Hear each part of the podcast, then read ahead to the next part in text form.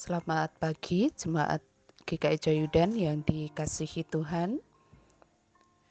Salam sejahtera bagi kita semua. Dan kiranya hari ini kita semua berada dalam keadaan yang baik, ada dalam kesehatan dan kita bersyukur untuk hari baru yang Tuhan anugerahkan. Kita akan bersama-sama merenungkan sabda Tuhan, namun sebelumnya mari kita berdoa. Bapa yang Maha Kasih, kami bersyukur untuk penyertaan-Mu di sepanjang malam ketika Engkau memberikan waktu bagi kami untuk kami beristirahat. Kami mengucap syukur Engkau membangunkan kami dengan kesehatan dan kekuatan yang sempurna.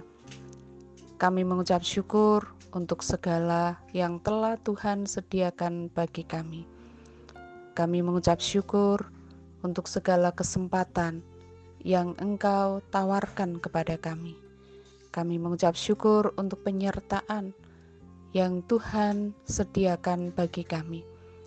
Terima kasih untuk kesetiaan-Mu berjalan bersama dengan kami melewati setiap perjalanan yang kami tempuh. Terima kasih Engkau berkenan untuk menjumpai kami melalui sapaan firman-Mu pada pagi hari ini. Kiranya Tuhan mampukan kami untuk kami memahami apa yang Tuhan ajarkan kepada kami melalui firman yang Tuhan sampaikan saat ini. Terima kasih Bapa di surga. Di dalam nama Tuhan Yesus, kami berdoa dan mengucap syukur. Amin. Firman Tuhan pada pagi hari ini saya ambilkan dari Injil Lukas pasal 19 ayat 1 sampai dengan ayatnya yang ke-10. Injil Lukas pasal 19 ayat 1 sampai dengan 10. Bapak, Ibu, dan Saudara bisa membaca bagian ini dan saya hanya akan membaca ayatnya yang ke-8 saja. Tetapi Sakeus berdiri dan berkata kepada Tuhan, Tuhan, setengah dari milikku akan ku berikan kepada orang miskin, dan sekiranya ada sesuatu yang ku peras dari seseorang, akan ku kembalikan empat kali lipat. Demikian bacaan firman Tuhan pada pagi hari ini dan saya memberikan tema untuk renungan kita pada hari ini perjumpaan yang mengubahkan. Bapak, Ibu, dan saudara yang dikasihi Tuhan, ada banyak orang yang mengatakan bahwa watak atau karakter itu sulit untuk diubahkan. Bahkan saking sulitnya, maka ada yang mengatakan watak itu dibawa mati. Artinya, tidak mungkin diubah sepanjang hidupnya. Itu akan dia bawa sampai nanti ketika seseorang itu mati. Bapak, ibu, dan saudara yang dikasihi Tuhan, Sakeus adalah seorang yang mengalami perubahan yang luar biasa dalam hidupnya.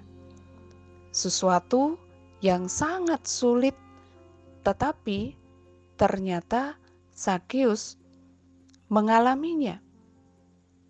Bagaimana Sakius bisa mengalami perubahan itu?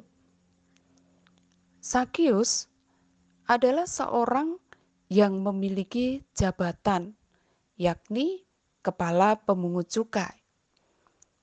Ia adalah seorang yang kaya, tetapi sayang, ia tidak diterima oleh masyarakat karena pekerjaannya. Kehidupannya yang mapan, kekayaannya tidak mampu untuk menggantikan kebutuhannya untuk diakui dan diterima oleh sesamanya. Meskipun ia memiliki jabatan, memiliki kekayaan, tetapi tetap saja ada ruang yang kosong di dalam dirinya. Ada seorang tokoh mengatakan, ada tiga aspek kebutuhan dasar manusia, yakni yang pertama adalah pengakuan, yang kedua adalah penghargaan, yang ketiga penerimaan. Kebutuhan-kebutuhan dasar ini didapatkan Sakius karena perjumpaannya dengan Tuhan Yesus. Tuhan Yesus menerima Sakius apa adanya, bukan karena ada apanya. Diterimanya Sakius dengan penuh kasih, dan itu bisa kita lihat dari sapaan Tuhan Yesus yang begitu lembut ketika Tuhan Yesus melihat Sakius. Tuhan Yesus berkenan untuk ke rumah Sakius Sakeus merasa diakui, dia merasa dihargai dan diterima sebagai manusia. Kasih Tuhan Yesus inilah yang mengubahkan Sakeus. Karena merasakan kasih yang begitu besar, maka Sakeus pun juga diubahkan menjadi orang yang mengasihi sesamanya dengan cara dia buktikan mau berbagi dengan apa yang dia punyai. Dan bahkan mungkin hal itu sebelumnya menjadi hal yang sangat berarti, bahkan mungkin paling berarti dalam hidupnya. Tetapi karena Tuhan menerimanya dengan penuh kasih, menghargainya, maka Sakius bisa berkata, "Tuhan, setengah dari milikku akan kuberikan kepada orang miskin. Dan sekiranya ada sesuatu yang kuperas dari seseorang, akan ku kembalikan empat kali lipat. Ruang kosong dalam diri Sakeus itu hanya bisa diisi dengan Kristus dan kasihnya.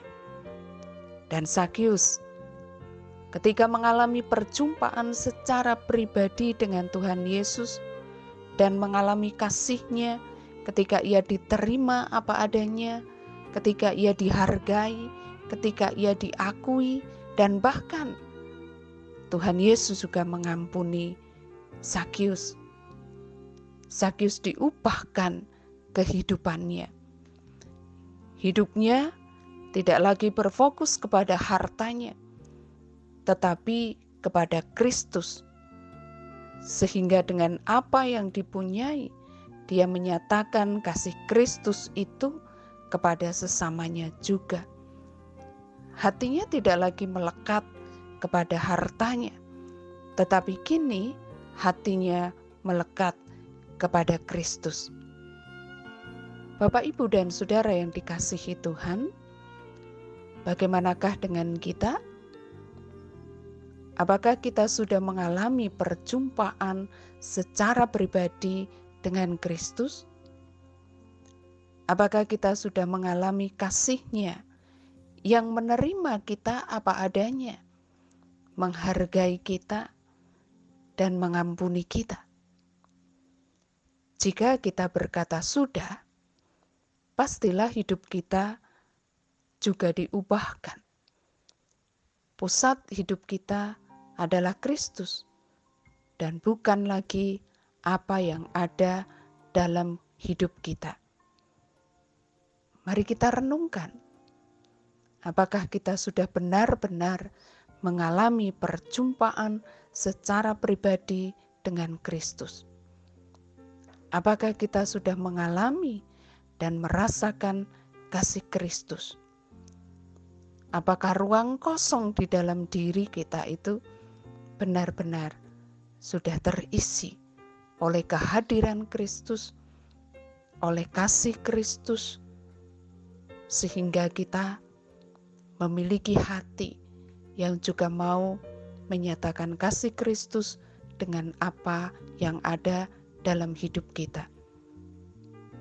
Tuhan Yesus tidak memaksa Sakius untuk melakukan apa yang dilakukan oleh Sakyus.